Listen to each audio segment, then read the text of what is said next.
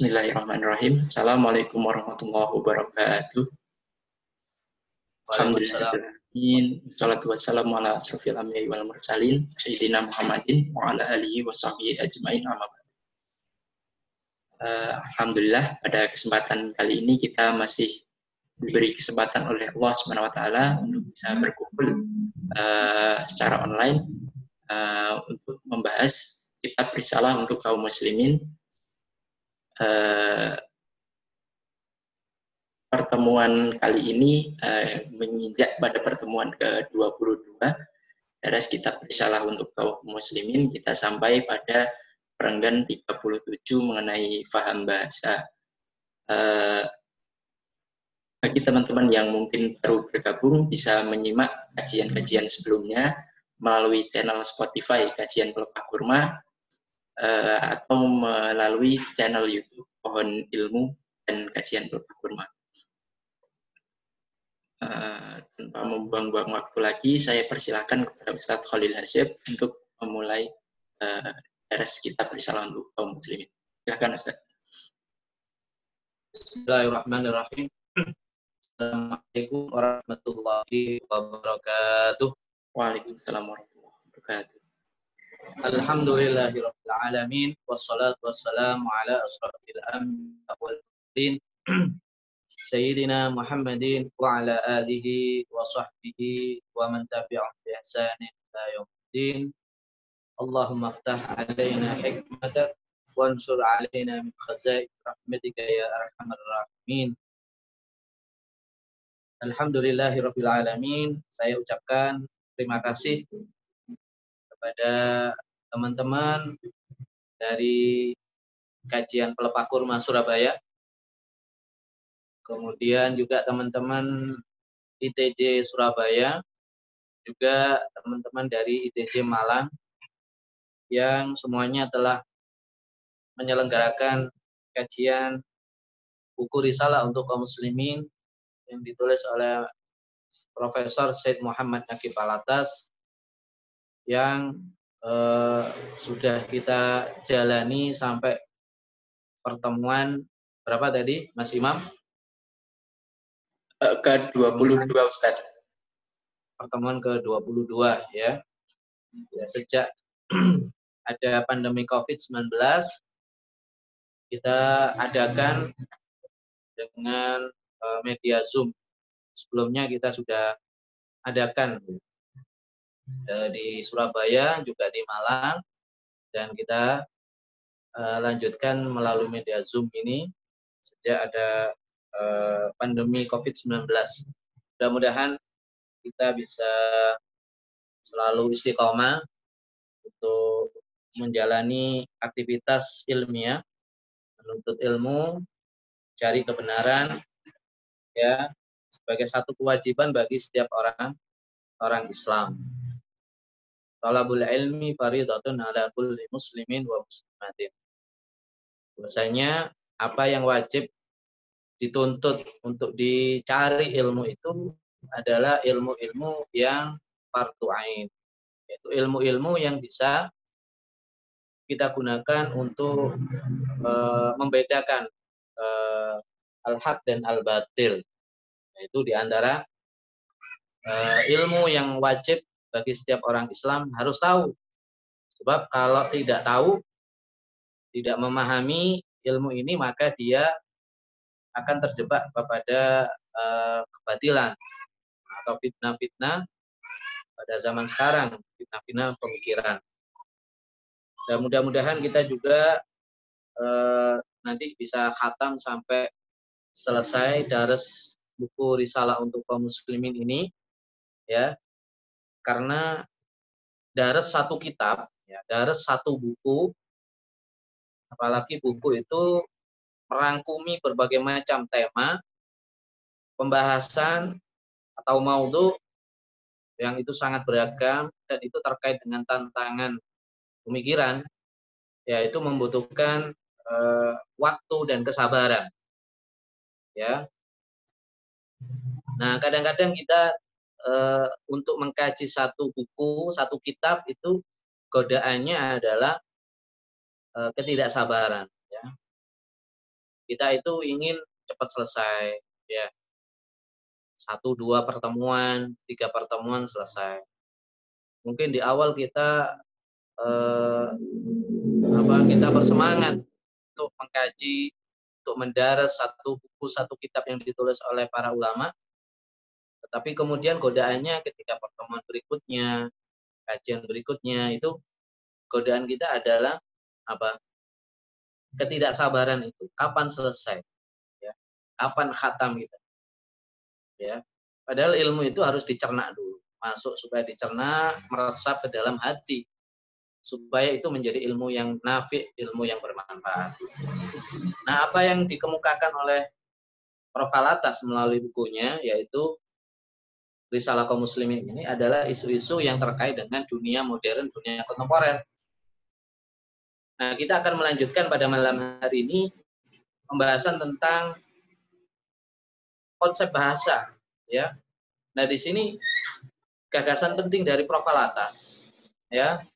Jadi ide-ide besar profil atas itu antara lain ide islamisasi ilmu pengetahuan kontemporer.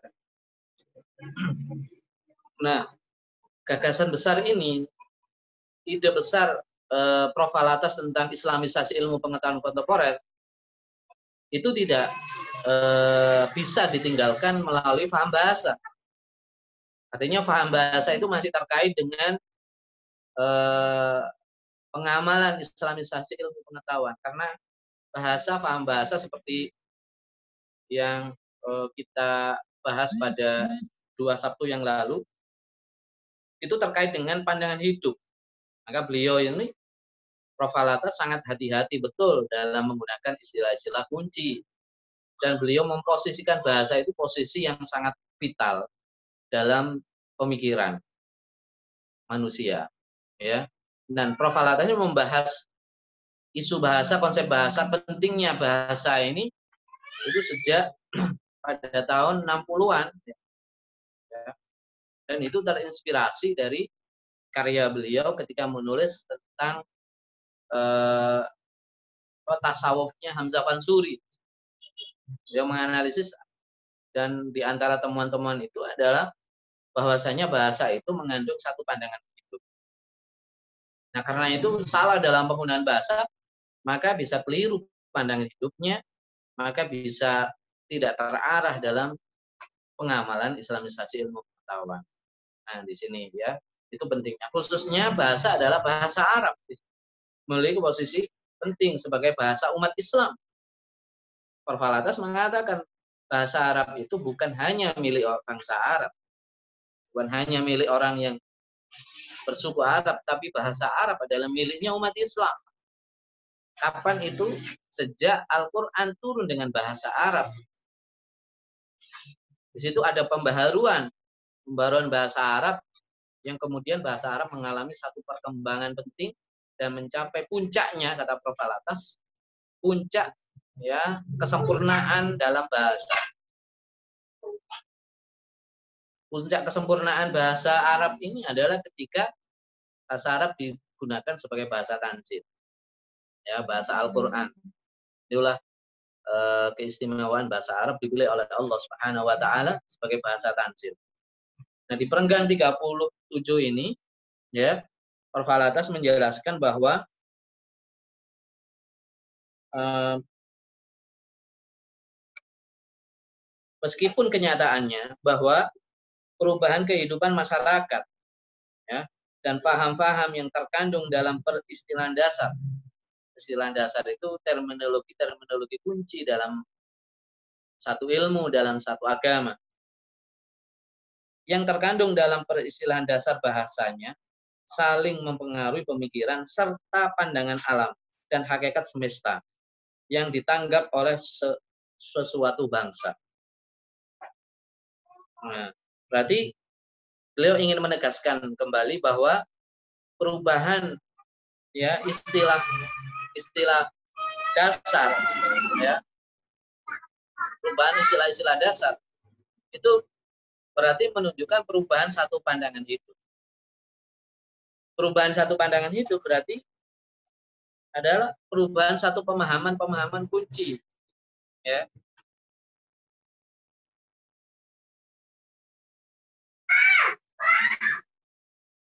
Ya. Maka kata beliau,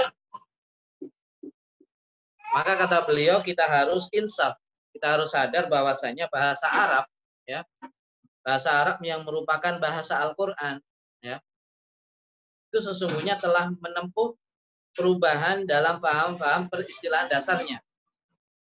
Ya. Seperti yang ditempuh oleh bahasa-bahasa yang lainnya.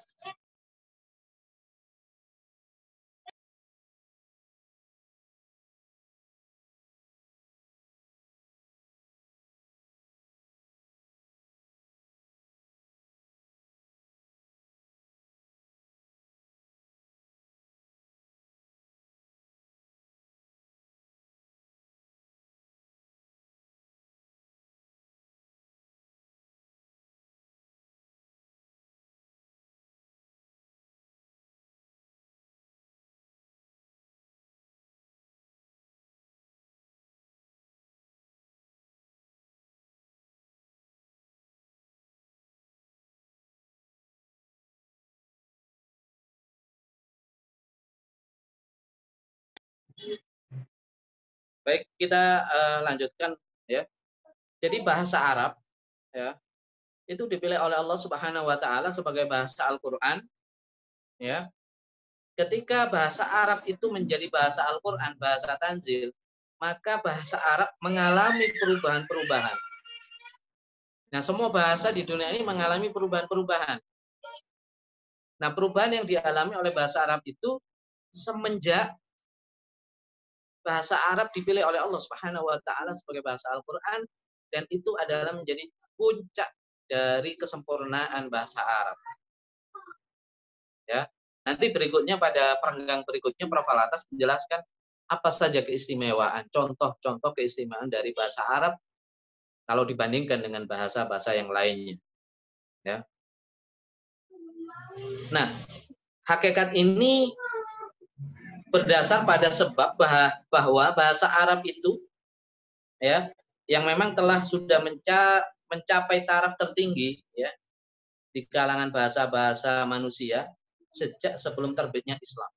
Jadi inilah istimewa. Kenapa Allah Subhanahu wa taala memilih bahasa Arab sebagai bahasa tanzil, sebagai bahasa kitab suci yang diturunkan kepada Nabi Muhammad sallallahu alaihi wasallam bukan bahasa yang lain. Bukan bahasa Jerman, bukan bahasa Inggris, bukan bahasa Jawa. Allah memilih bahasa Arab. Apa keistimewaannya? Dari situ. Jadi ternyata sebelum datangnya Islam, artinya sebelum turun Al-Qur'an, ya, bahasa Arab ini sudah sudah memiliki keunggulan dari bahasa-bahasa yang lain di dunia itu ada banyak peradaban sebelum Islam. Peradaban dunia yang yang besar, ada peradaban Romawi, ya, ada peradaban Yunani, ya dengan bahasa Greeknya, ada peradaban Persia dengan bahasa Persinya, ada peradaban India dengan bahasa Indianya, ada peradaban Cina dengan bahasa Cinanya. Di antara ini Allah memilih bahasa Arab ya karena sebelum itu tradisi kebahasaan tradisi kesustra, kesusastraan kalau kita baca e, sejarah bangsa Arab ya memang tradisi kesusastraan e, sastra bahasa Arab itu sudah unggul sebelum Rasulullah Shallallahu Alaihi Wasallam diangkat menjadi rasul. Jadi pada zaman itu sudah ada perlombaan Eh, apa menciptakan syair, membaca syair-syair bahasa Arab. Ya. Bahkan syair terbaik itu ya digantung di depan Ka'bah, di depan Baitullah. Ada satu festival yang diadakan satu tahun sekali. Festival itu adalah festival syair, pembacaan syair. Para penyair-penyair bangsa Arab itu berlomba-lomba untuk Eh, membacakan karya syair. Ya. Bahkan sampai sekarang beberapa dibukukan. Nah, syair terbaik itu akan mendapatkan kehormatan digantung di Ka'bah. Artinya pada zaman itu sebelum Rasulullah Wasallam ada satu tradisi pengembangan bahasa. Ada satu tradisi di mana eh, sastra itu sangat diapresiasi oleh satu bangsa yaitu bahasa Arab, bangsa Arab. Dan ini jarang ditemukan pada zaman itu di di bangsa-bangsa yang lainnya. Ya.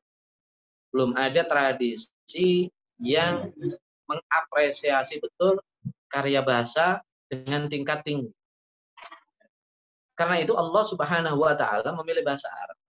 Punya kelebihan karena memiliki kelebihan.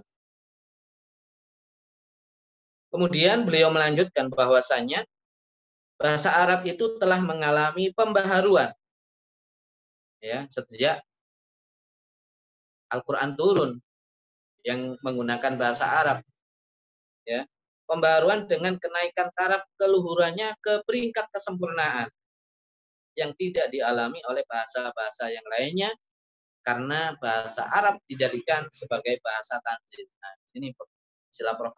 itu eh, bahasa tanzil maksudnya bahasa wahyu Ya.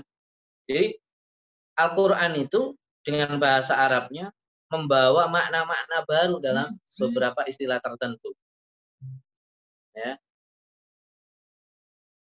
Al-Qur'an mengenalkan istilah-istilah baru yang sebelumnya tidak dikenal oleh ahli-ahli bahasa bangsa Arab. Ya. Dan makna-makna baru ini kemudian dikenalkan sebagai satu ajaran Islam. Ya, misalnya istilah-istilah yang ada dalam Al-Qur'an yang disebut adalah as-shalah, az-zakah. Ya, ini semua adalah bahasa Arab. Ketika Al-Qur'an menyebut kata as-shalah, ketika Al-Qur'an menyebut istilah lafat az-zakat misalnya, orang-orang Arab yang belum Islam itu paham apa asola itu. Ya artinya doa. Kemudian apa itu az-zakah? Ya itu bisa dianalisis. Tetapi pemahaman itu ya pemahaman itu tidak sama ya dengan pemahaman yang dibawa oleh Al-Qur'an. Al-Qur'an membawa makna baru. As-shalah, az-zakah, ya. Kemudian Alkitab, ya. Kemudian istilah Al-Qur'an juga ya. Banyak sekali. Kemudian as-sujud, ya. Kemudian ar-ruku. Itu semua bahasa Arab. Tetapi ini membawa makna-makna baru. Kemudian an-nikah, ya. Makna-makna baru yang Eh, tidak dikenal makna ini oleh bahas oleh bangsa Arab sebelum sebelum Islam.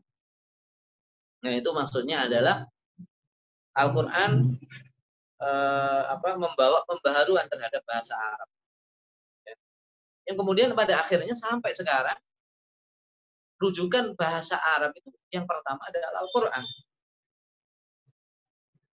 Ya, ketika uh, ada eh, apa kaidah bahasa misalnya kaidah bahasa Arab dan itu terjadi perbedaan maka dikembalikan kepada bagaimana Al-Quran melafalkan atau kalau dalam Al-Quran tidak ada bagaimana hadis itu melafalkan ya artinya Islam itu memang bukan Arab Arab itu bukan Islam tetapi Islam itu masih sangat terkait tergantung dengan bahasa Arab. Sehingga itu tidak bisa dipisah. Ketika hadir Islam pasti hadir di situ bahasa Arab di mana pun. Di wilayah mana pun di seluruh dunia, ketika hadir agama Islam, maka di situ hadir bahasa Arab. Ini menunjukkan bahwasanya Islam tidak bisa dipisah oleh bahasa Arab. Meskipun Arab itu bukan Islam, wal Islam bukan Arab. Tapi ini dua hal yang tidak bisa bisa. Kemudian beliau melanjutkan dan oleh karena itu maka faham-faham peristilahan dasar ya terkandung dalam kitab suci ya daripada sembarang perubahan ya sebab maksudnya merujuk kepada perkara abadi. Nah, ini keistimewaan. Apa keistimewaan bahasa Arab Al-Quran? Atau istilah-istilah dasar, istilah-istilah yang mengalami pembaharuan, pembaharuan makna keistimewaannya adalah kelebihannya adalah istilah-istilah itu membawa pada satu pemahaman perkara-perkara yang sifatnya abadi. Ya. Salat, zakat, ya itu abadi. Makna itu abadi. Makna ini abadi. Al-jannah, wan-nar, ya, dan seterusnya. Karena itu penafsiran mengenai satu paham yang terdapat dalam Al-Qur'an Al-Qur'anul Karim karena karena itu menafsirkan Al-Qur'an pertama-tama harus paham bahasa bahasa Arab. Maka di sini jadi Prof. Alatah ini sangat-sangat jeli ya dalam menganalisis konsep bahasa ini.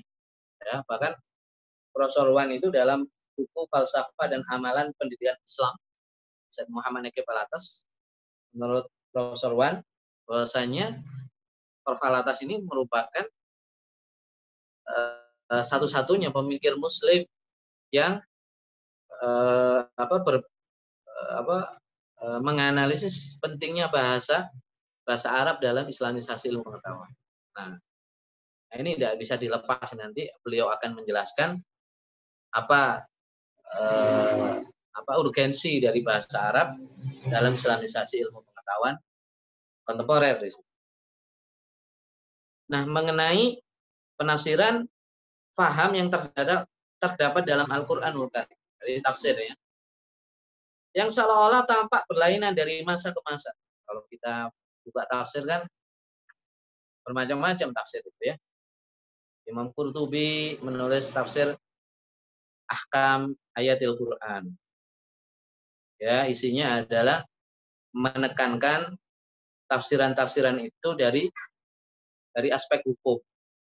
Jadi Imam Qurtubi adalah seorang kodi ahli ahli hukum Islam, seorang ulama fakih dari madhab Malikiyah. Ya, karena backgroundnya dan dia seorang kodi, ya. Kemudian dia menulis kitab, ya. Isinya adalah Eh, menulis kitab tafsir yang penekanannya adalah pada aspek-aspek hukum, penggalian-penggalian hukum.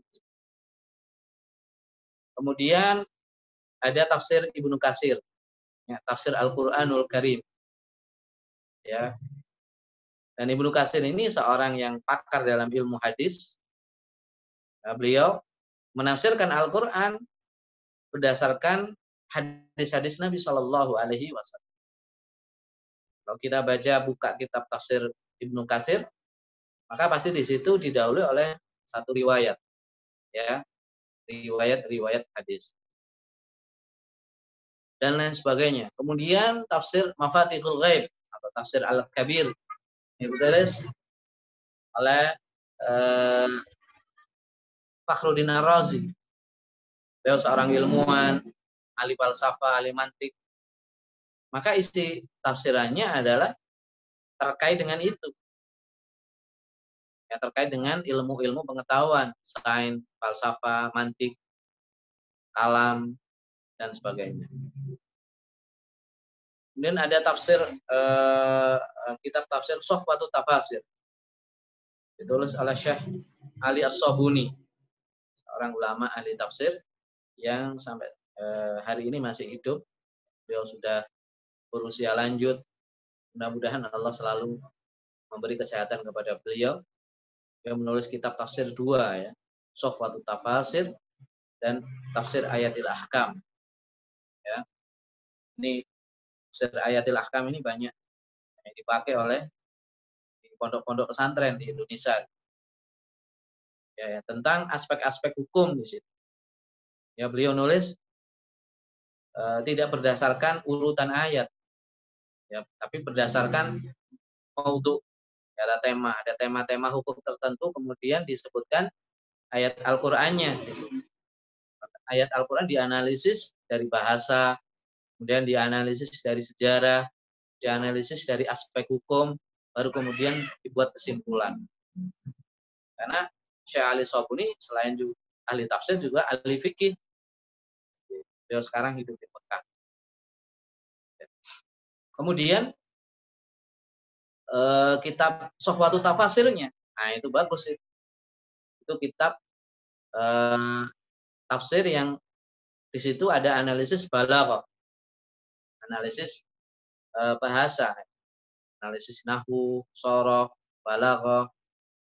Saya ketika menulis skripsi ya, di skripsi S1, jurusan pendidikan bahasa Arab, itu kitab ini saya jadikan referensi karena uh, saya menulis tentang surat Al-Baqarah.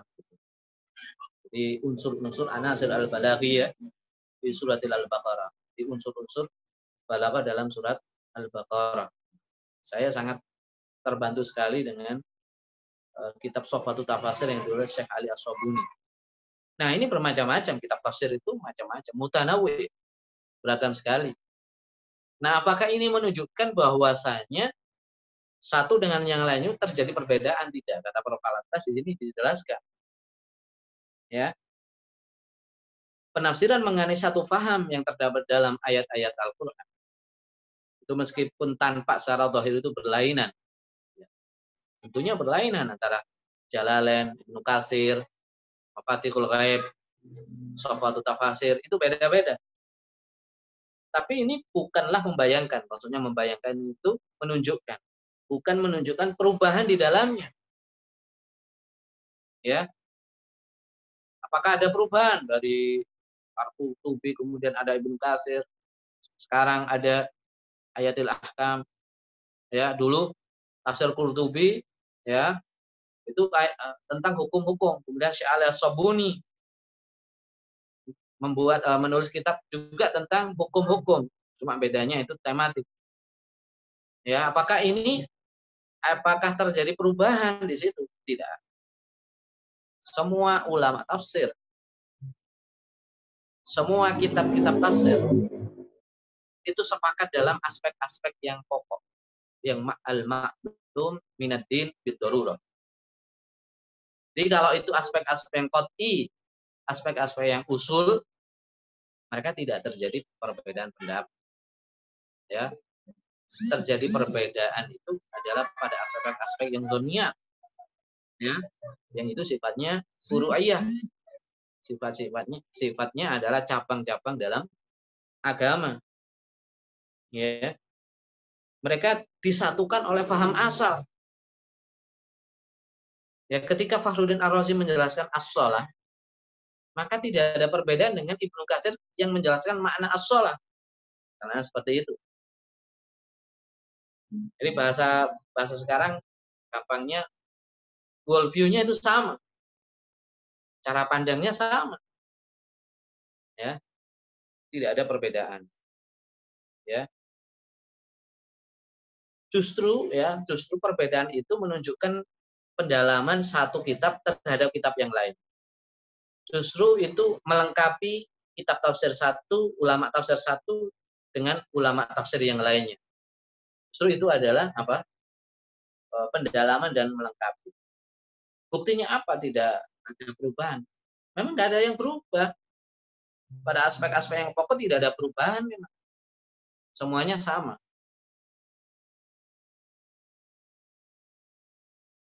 tidak uh, akan tetapi membayangkan pendalaman kepahaman yang tidak berkisar berubah dari paham asal dan dari mauduk peninjauannya. Jadi kalau dari aspek dasarnya mauduk asal ya konsep as apa itu as apa itu az misalnya. Semua sama.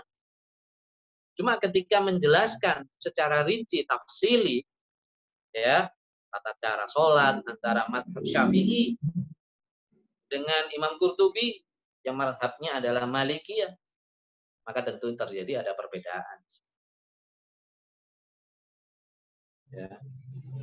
Dan juga ini yang penting membayangkan peninjauan segi paham asal itu juga justru karena kefahaman dan diri manusia masing-masing bermartabat dan berderajat bukan peninjauan yang berdasarkan pada penilaian nisbi bukan penilaian penilaian yang sifatnya nisbi relatif apa itu penilaian relatif penilaian yang bersifat eh, yang ditinjau dari aspek sejarah dari aspek historis.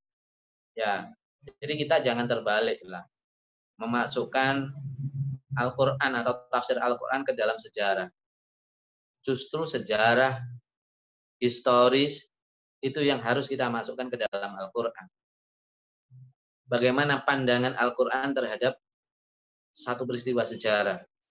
Bukan dengan bagaimana satu peristiwa sejarah melihat Al-Quran cara pandang yang salah yang berbeda ini mengakibatkan apa? Salah paham terhadap ayat-ayat Al-Qur'an.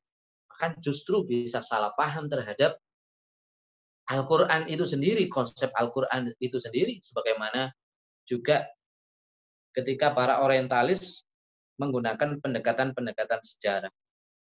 Jadi mereka membaca Al-Quran tapi kacamatanya adalah sejarah. Kalau membaca Al-Quran, maka kacamatanya bukan sejarah. Kacamatanya adalah ulu tafsir. Dan dalam ulu tafsir itu berbagai macam ilmu. Ada ilmu balaghah, ada ilmu e, retorika, ada ilmu lughah, ilmu bahasa, nahwu. Ada ilmu sejarah juga. Ada nasih wa mansuh. Ada ilmu fikih, ada ilmu tauhid. Semua masuk include. Jadi seperti itu. Kalau enggak, apalagi hanya satu kacamata misalnya, dan itu kacamata sejarah, maka ini salah. Cara pandang yang salah. Saya ulangi adalah justru bagaimana Al-Quran itu memandang satu sejarah, bukan sejarah itu, bukan histori itu, menilai Al-Quran.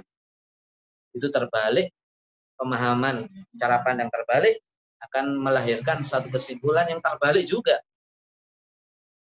Dan itu efeknya adalah bisa dekonstruksi Al-Quran dan desakralisasi Al-Quran. Baik, kita kembali kepada bahasa Arab.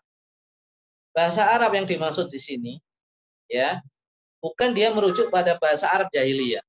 Ya, bahas oleh Prof. Alatas, bahasa Arab sebagai bahasa ilmiah itu bukan bahasa Arab ketika zaman jahiliyah. Tapi bahasa Arab yang mana? Tapi bahasa Arab setelah turunnya Al-Quran. Yaitu bahasa Arab yang sudah mengalami pembaharuan oleh Al-Quran. Yaitu bahasa Arab yang sudah menjadi predikat bahasa Al-Quran dan bahasa Tanzil.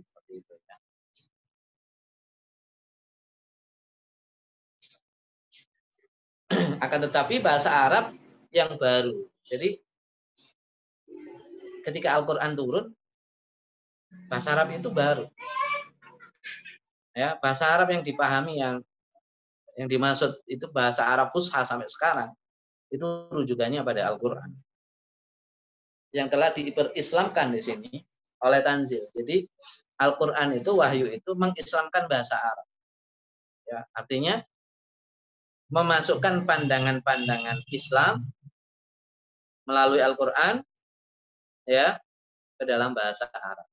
Sehingga e, bahasa Arab identik dengan bahasa Islam. Dan beliau juga menjelaskan dan sebagaimana nanti akan dijelaskan bahwa eh, bahasa Arab itu bahasanya umat Islam. Jadi dan apa hadirnya Islam tidak menafikan ketika Islam hadir di mana pun wilayah dan negara mana pun itu tidak menafikan atau membuang bahasa-bahasa lokal.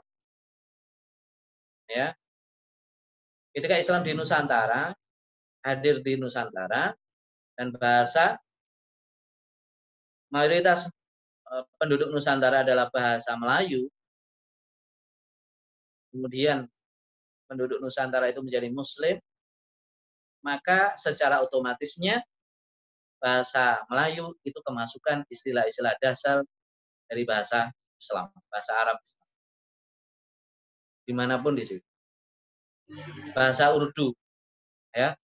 Ketika Islam hadir, maka bahasa Urdu mengalami pembaharuan. Nah, pembaharuan itu adalah masuknya istilah-istilah dasar Islam. Bahasa Persia ketika Persia itu masuk dimasuki oleh dakwah Islam, maka istilah-istilah dasar dalam Islam itu digunakan oleh bangsa Persia dan digunakan secara resmi sebagai bahasa Persia. Sehingga apa? Sehingga hadirnya Islam juga tidak membuang tidak membuang apa bahasa lokal. Justru terjadi perkawinan Nah, perkawinan itu dalam bentuk Islamisasi. Islamisasi bahasa. Dan istilah-istilah Islam ini yang terkandung dalam bahasa Arab merupakan atau sebagai penayang pandangan Allah. Ya semua istilah-istilah uh, Islam, ya istilah-istilah dasar Islam yang yang mengandungi bahasa Arab itu itu menunjukkan apa? Pandangan alam Islam. Ya pandangan alam alam Islam. Jadi makna akal, ya makna kolab, ya itu menunjukkan sudah sampai saat hari ini itu pandangan alam Islam. Karena itu kita harus hati-hati dalam menggunakan bahasa, khususnya dalam aspek ilmiah. Dalam dunia ilmiah, lebih-lebih dalam dunia agama kita harus hati-hati. Jangan asal-asalan menggunakan satu istilah. Jangan sembarangan ada istilah baru kemudian kita kita apa kita gunakan nah, harus hati-hati itu ya Allahu a'lam. Saya kira itu dari perenggangan perenggang 37 saya bahas secara singkat mudah-mudahan bisa dipahami. Assalamualaikum warahmatullahi wabarakatuh. Waalaikumsalam warahmatullahi wabarakatuh. Selanjutnya kepada teman-teman yang ingin menyampaikan pertanyaan, silahkan bisa ditulis melalui chatroom atau uh, disampaikan secara langsung melalui uh, dengan menekan tombol raise hand. Uh,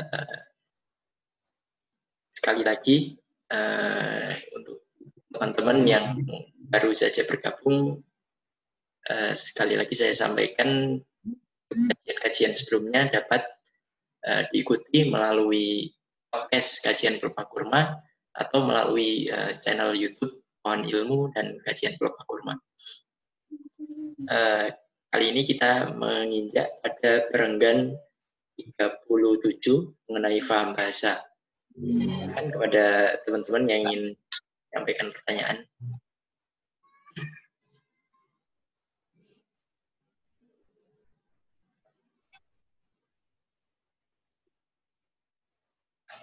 uh, belum ada pertanyaan yang masuk, Ustaz. Uh, mungkin sedikit saya ingin uh, tanya, Ustaz. Ya, ya, silakan. Uh, mengenai paham bahasa ini, Ustaz tadi disampaikan bahwa uh, sejak Al-Quran diturunkan, bahasa Arab itu sudah mengalami islamisasi. Uh, namun juga sampai eh, pada saat-saat yang akhir ini pada zaman-zaman sekarang ini ada juga semacam usaha-usaha untuk uh, mengembalikan makna yang sudah terislamisasi tadi untuk uh, kembali ke makna jahiliyahnya gitu ya. Jadi saya mungkin sebelumnya juga mendengar dari uh, Ustadz atau mungkin uh, bukan saya juga agak lupa mengenai uh, makna Allah dan yang apa disebut-sebut sebagai al-ilah gitu. Padahal ya, ya. makna Allah itu sudah mengalami islamisasi. Hmm. Ya, ya, ya itu benar. Bagus sekali pertanyaannya. Itu salah satu contoh kasus ya. Jadi eh, termasuk nanti itu juga itu namanya keislamisasi bahasa. Keislamisasi bahasa. Termasuk nanti itu juga terjadi dalam bahasa kita, bahasa Melayu atau bahasa Indonesia. Ya, bahasa bahasa kita juga itu perlu di, dikaji ya. Nah, kasus itu jadi tentang lafat Allah ya. lafaz Allah ini adalah kalau dalam bahasa Arab ismun jam ya.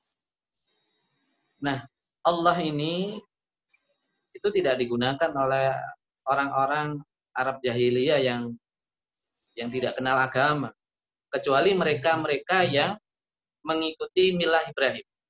Nah, yang mengikuti ajaran-ajaran Nabi Ibrahim kan ada itu ya. Dari generasi ke generasi mereka ngikut kepada milah Ibrahim atau ajaran Nabi Ibrahim meskipun ya ajaran-ajarannya itu sudah tidak sempurna. Cara beribadahnya itu sudah tercampur dengan syirik. Cara ibadahnya itu sudah tidak benar. Atau juga mereka tidak melakukan syirik tapi mereka yakin bahwa Allah itu sebagai Tuhan yang esa kan gitu. Ada seperti itu. Nah, lafal Allah ini dikenalkan langsung oleh Allah sendiri kepada para nabi. Ya. Semua nabi ya itu menyebut Tuhan mereka dengan lafal Allah.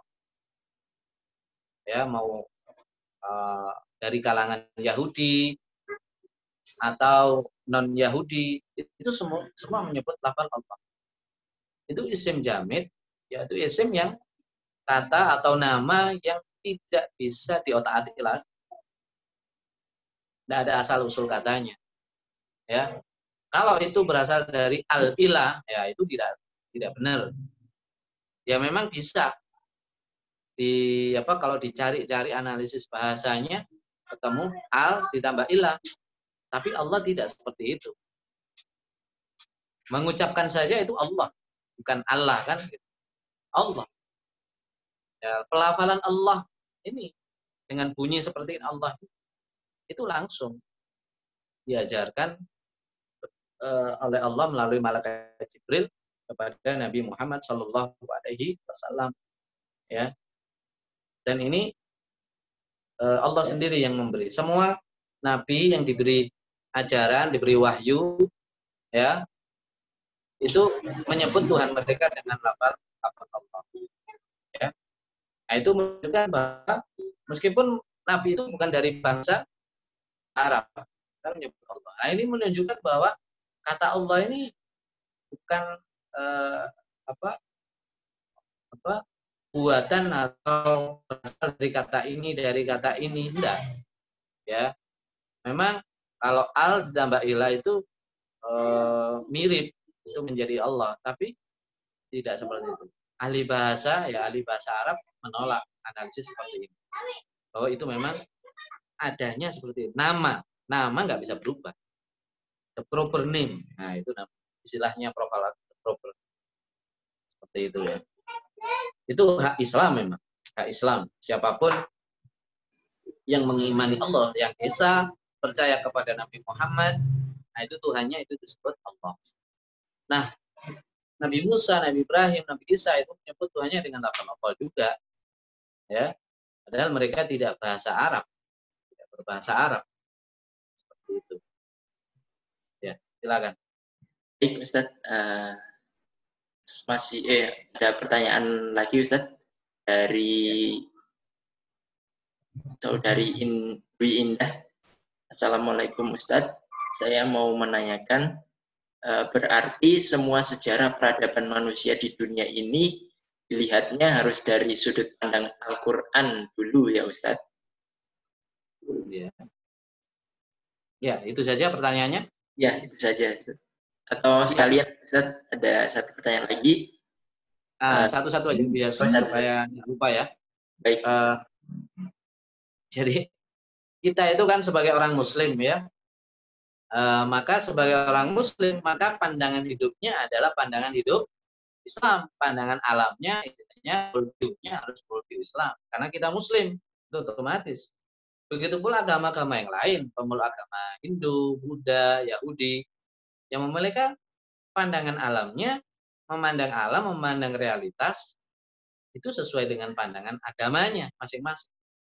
Nah, kita sebagai orang Islam ya, memandang realitas itu harus pandangannya pandangan Islam.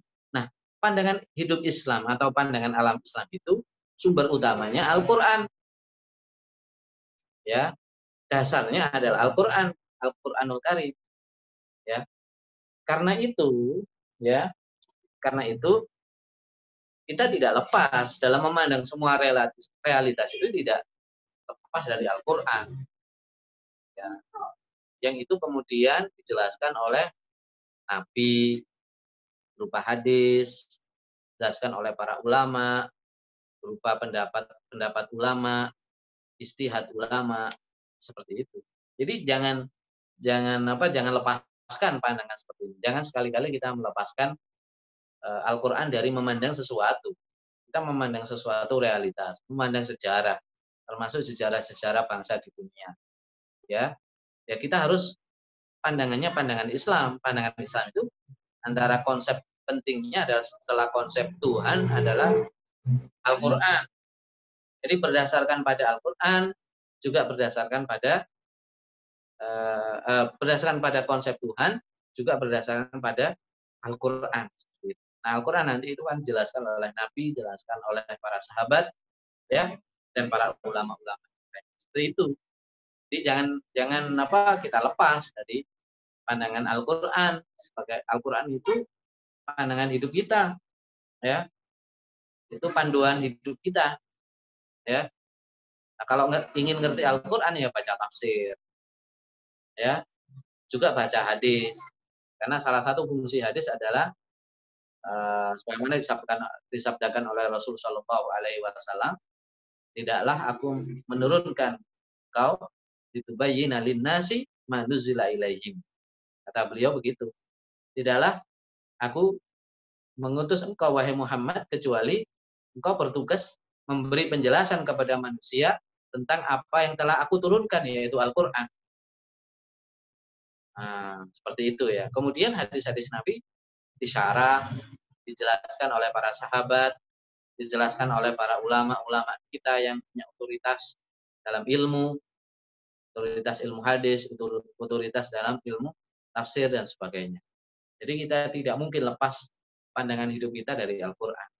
Sehingga apa yang ada dalam pikiran kita adalah konsep Allah yang tauhid, ya konsep wahyu Al-Quran, konsep Nabi. Nah semua konsep-konsep dasar ini yang Prof. Alata sebut itu ada sekitar 9 konsep dasar ya, elemen-elemen dasar itu kita gunakan untuk apa? Memandang realitas. Termasuk dalam memandang realitas sejarah manusia, sejarah bangsa-bangsa dunia ini. Jadi realitas ada, tapi penafsirannya bagaimana? Nah, kita harus kembali pada pandangan alam Islam. Seperti itu. Silakan. Ustadz, uh, lanjut ke pertanyaan berikutnya, Ustadz. Uh, dari, uh, mohon maaf ini tidak cantumkan nama. Assalamualaikum Ustadz, apakah metode penafsiran Al-Quran secara hermeneutika itu bisa dibenarkan? Oh, tadi bisa benarkan. Hermeneutika itu itu adalah metode penafsiran Bible, ya jadi begini ya, hermeneutika itu adalah alat untuk memahami kitab Bible.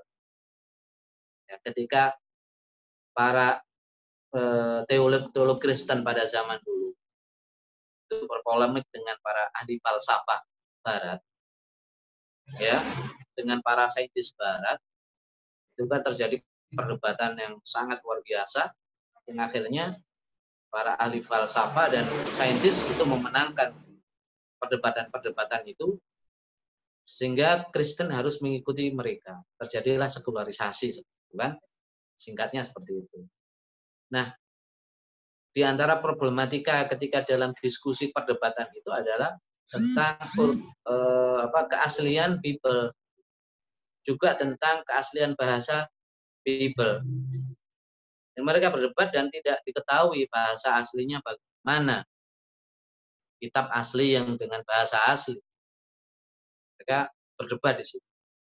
Kemudian sampai keluarlah satu buku ya yang judulnya Who Write the Bible? Siapa yang menulis Bible? Ya, sampai di situ eh, perdebatan mereka. Nah, dalam Al-Quran, dalam tradisi Islam tidak sampai ke sana. Siapa yang menulis Al-Quran tidak ada.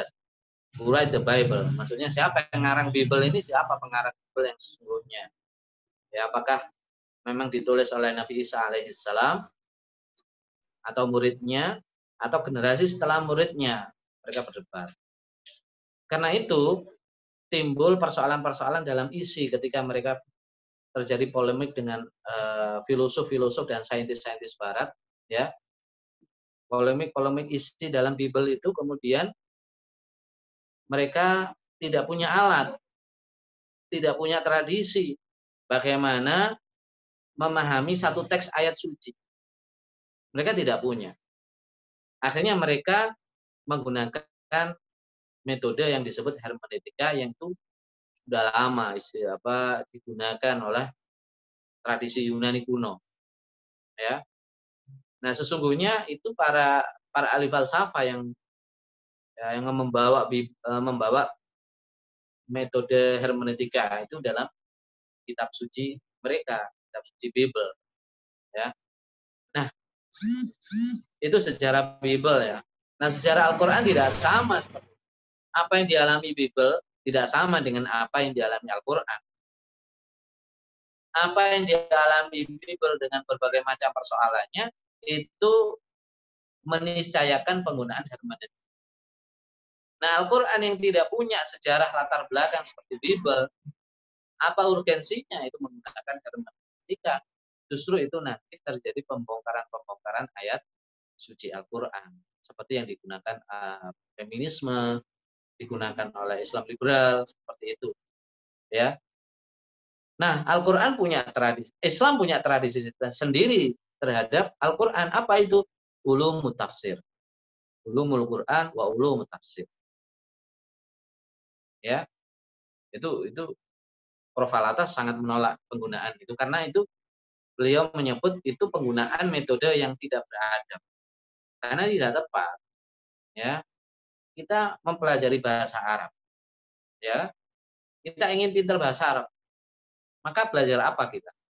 Coba coba, belajar apa? Nahu sorof, ya kan? Karena itu ilmu alatnya. Alat untuk memahami bahasa Arab, nahu sorof, itu kaedahnya. Ya. Maka ketika kita belajar bahasa Arab, jangan gunakan gramatika bahasa Inggris. 12 tenses dipelajari untuk memahami bahasa Arab. Apa urgensinya? Itu namanya tidak beradab, tidak tepat. Kalau bahasa Arab ya namu sorof. Kalau bahasa Inggris ya grammar yang tenses dan sebagainya. Ya, jangan belajar bahasa Inggris kemudian kaedahnya menggunakan gramatika bahasa bahasa Mandarin misalnya. Ya enggak enggak akan sampai pada hakikat bahasa, tidak bisa memahami bahasa, bahasa Inggris seperti itu. Jadi tidak tidak tepat dan itu tidak boleh menggunakan eh, pendekatan hermeneutika. Silakan. Uh, baik, Ustaz. Uh, masih belum ada pertanyaan yang masuk, Ustaz. Uh, mungkin saya sedikit tanya lagi, Ustaz, mengenai Islamisasi bahasa, Ustaz.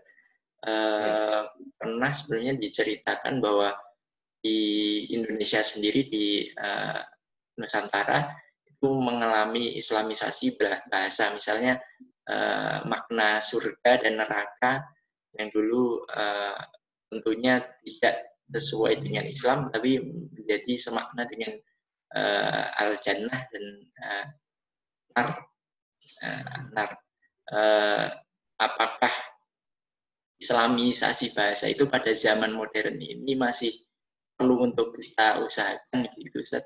Kalau iya itu bagaimana itu caranya? Ya, jadi begini ya. Islamisasi ya itu kan e, memasukkan pandangan alam Islam ke dalam pikiran e, manusia kan gitu. Itu namanya Islamisasi. Nah, ketika proses memasukkan pandangan alam Islam, ketika proses memasukkan worldview Islam ke dalam pikiran manusia, yang itu namanya Islamisasi, itu membutuhkan satu alat. Nah, salah satu alat adalah uh, bahasa itu. Nah, Islamisasi itu berjalan terus. Dan itu secara alami. Di mana Islam hadir, pasti di situ ada proses Islamisasi. Ya, seperti itu ya. Di mana ada dakwah Islam yang sesuai dengan pandangan hidup Islam, maka di situ ada proses apa namanya Islamisasi. Nah, proses Islamisasi itu ada jangka waktu yang panjang, ada jangka waktu yang pendek. Nah, proyek sekarang ini kalau pertanyaannya itu sekarang bagaimana kalau? Nah, sekarang itu proyeknya adalah Islamisasi ilmu pengetahuan kontemporer. Ya, itu itu itu istilah Profalatas kan begitu. Jadi eh, setahu saya ya dalam dalam bukunya itu Profalatas menggunakan eh, Islamisasi ilmu pengetahuan kontemporer. Jadi pengetahuan kontemporer ini pengetahuan modern yang diislamisasi, yang berupa sains yang sains modern ini yang diislamkan. Nah, itu. Jadi ini gagasan ini oleh Prof. Sudah digaungkan pada tahun 70-an ya, awal 70-an sampai sekarang. Dan itu saya yakin itu menjadi pemikiran masa depan. Masih terus akan dikaji. Sekarang ada berbagai ada berbagai macam istilah ya perpaduan Islam dengan sains, agama dengan sains, itu kan sudah mulai menjadi tren. Tidak hanya di Indonesia, di sarjana-sarjana muslim Indonesia, tapi juga sarjana barat itu sudah mulai ada usaha-usaha. Saya punya ada beberapa buku ya, yang isinya itu perpaduan antara agama dengan sains. Ya, itu sudah menjadi tren.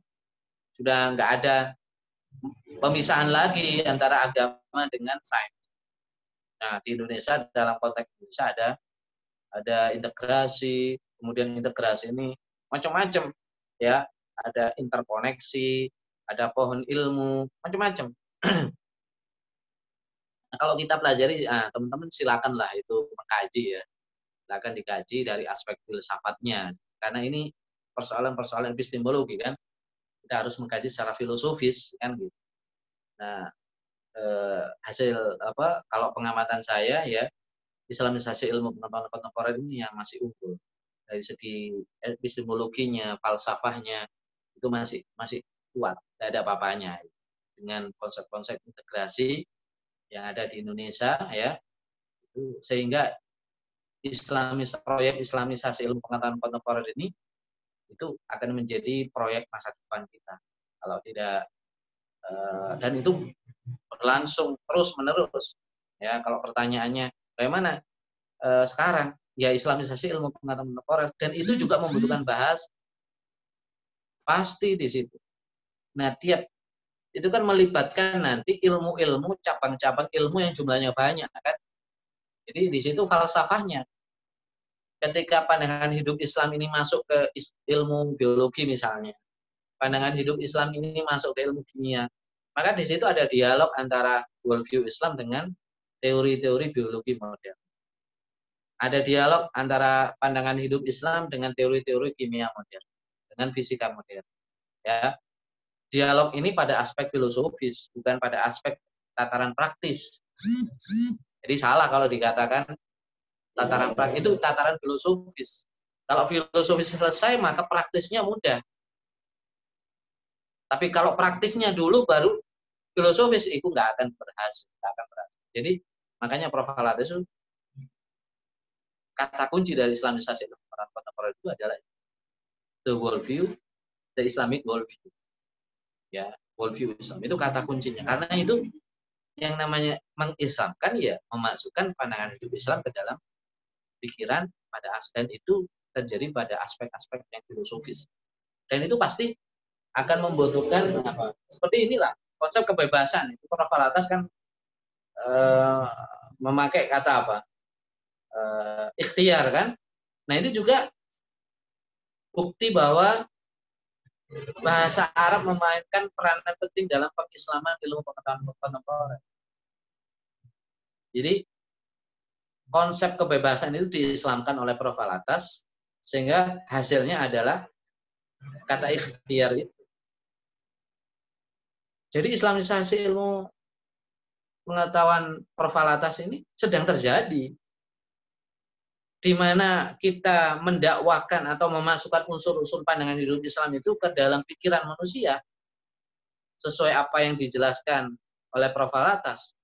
sesuai dengan uh, school of thought-nya Prof. Alatas atau madhab pemikiran Prof. Alatas, maka di situ terjadi proses islamisasi ilmu pengetahuan temporer.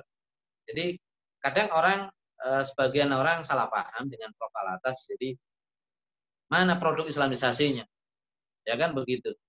Nah ini sudah berjalan, sudah jalan dan itu prosesnya bisa jadi prosesnya itu sampai ke depan dan ini satu pemikiran luar biasa, peralatan sangat luar biasa.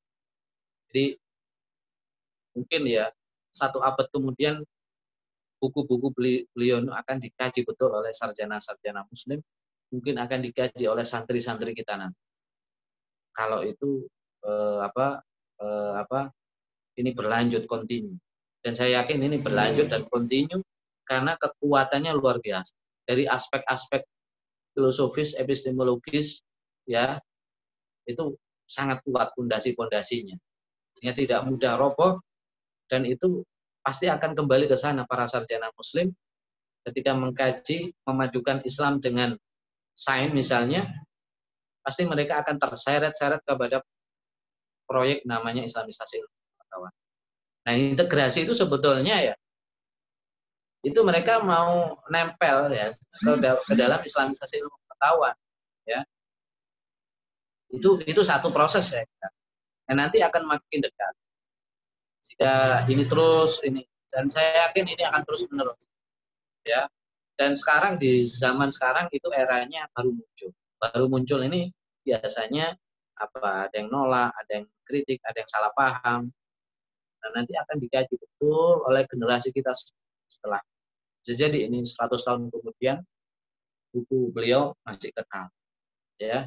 Jadi eh, kita apa ya manfaatkan nafas kita.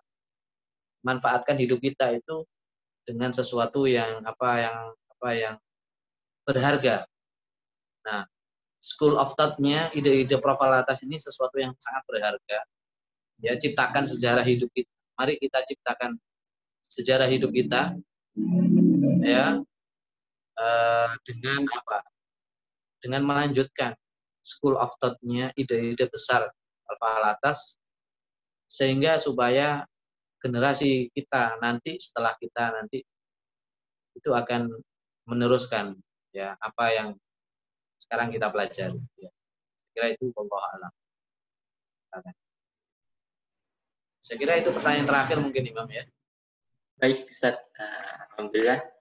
Uh, ya, uh, tadi yang disampaikan Ustaz juga uh, insya Allah menjadi harapan untuk kita semua.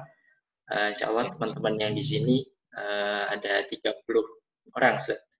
Uh, jadi uh, bisa menjadi uh, apa namanya lingkaran kecilnya dulu Ustaz. Iya, itu itu itu saya kira ini Imam ya. Ini uh, cukup uh, apa uh, saya kira uh, apa apa yang diusahakan oleh teman-teman Klepa Kurma kemudian teman-teman IDJ Malang dan Surabaya saya yakin itu akan menjadi satu sejarah. Sejarah kita. Sejarah ini sejarah di Indonesia lah kita. Mari kita ciptakan sejarah-sejarah yang baik. Kita tinggalkan hal-hal yang baik untuk generasi kita. Kita punya anak, kita tinggalkan sesuatu yang baik. Kita punya cucu nanti, kita uh, sehingga anak kita, cucu kita, atau murid-murid kita nanti, atau cucu murid kita nanti akan bercerita bahwa dulu sudah ada kajian serius tentang pemikiran luar biasa ini dan sekarang mereka dan sekarang sudah di, sedang dikaji ya maka Eh, lingkaran kecil ini ya biasanya sesuatu itu dimulai dari satu lingkaran yang kecil. Ya. Jadi istek itu tidak besar. Tapi pemikirannya, impact-nya itu mendunia. Pemikirannya mendunia, kampusnya kecil, bangunannya kecil. Tapi orangnya besar, pikirannya besar. Ya, seperti itu. Insis itu dulu hanya diskusi ya. Diskusi ngobrol 10 eh, orang, lima orang. Dan sejarahnya Insis itu adalah membaca mendaras kitab risalah kaum muslim. Nah, kita bertabaruk dengan guru-guru kita di INSIS yang ketika mereka seusia kita, seusia saya dan seusia antum semua, itu mendarah risalah kaum muslimin. Ya. Dan eh, apa ya? Ya 10 tahun, 20 tahun, 30 tahun lagi, ya siapa lagi yang menggantikan beliau-beliau kalau bukan kita. Ya, kalau bukan saya, bukan antum yang menggantikan, maka insya Allah anak cucu anak-anak kita yang akan menggantikan posisi beliau-beliau ini. Allah alam. Masya Allah. Dan uh, sesuai dengan apa yang dikatakan Ustadz tadi ya, uh, tetap istiqomah teman-teman. Karena perjuangan ilmu ini uh, perjuangan yang umur panjang ya. Ya, panjang sekali. Ini saya membayangkan ini ya, kalau ini bukan apa ya, kalau ini kan bisa dibaca ya polanya. Kalau kita belajar sejarah pemikiran Islam zaman-zaman dulu ya, itu polanya kan bisa kita membaca ya. Jadi ketika Imam Ghazali menulis Ihya, kemudian generasi setelahnya itu mengkaji Ihya misalnya ya, sampai sampai Imam Nawawi menyebut kadal Ihya ayatuna Qur'anan. Semua orang itu pada membaca Ihya karena betapa besar pengaruh Ihya itu dan orang-orang itu berlomba untuk mempelajari Ihya. Dan itu kan jadi sejarah yang hari ini kita baca sejarah bisa kita baca sejarah. Setelah Imam Ghazali apa Ihya itu bagaimana? Pemikiran Imam Ghazali itu bagaimana? Siapa yang melanjutkan? Itu semua ditulis oleh oleh para ulama dalam eh, baik itu kitab sejarah atau kitab-kitab apa ya, ya bahkan kitab-kitab tasawuf, kitab-kitab kalam itu ditulis sebagai satu sejarah, ya, ya seperti itu. Baik, Ustaz, uh, waktu sudah menunjukkan pukul kurang. Uh, terima kasih uh, saya sampaikan kepada Ustaz Khalili atas uh, nasihat, uh, motivasi, dan uh, ilmu yang telah diberikan kepada kita semua. Pada teman-teman, uh, terima kasih sudah hadir dalam uh, kajian kita malam ini. Uh, kita tutup uh, kajian kita dengan uh, hamdalah bersama-sama. Alhamdulillahirrahmanirrahim. Istighfar sebanyak-banyaknya. Astagfirullahaladzim. Astagfirullahaladzim. Kita tutup dengan doa kafaratul majelis. Subhanakallahumma wa bihamdika asyhadu an la ilaha illa anta astaghfiruka wa atubu ilaik. Wabillahi taufik wal hidayah. Wassalamualaikum warahmatullahi wabarakatuh. Waalaikumsalam warahmatullahi wabarakatuh.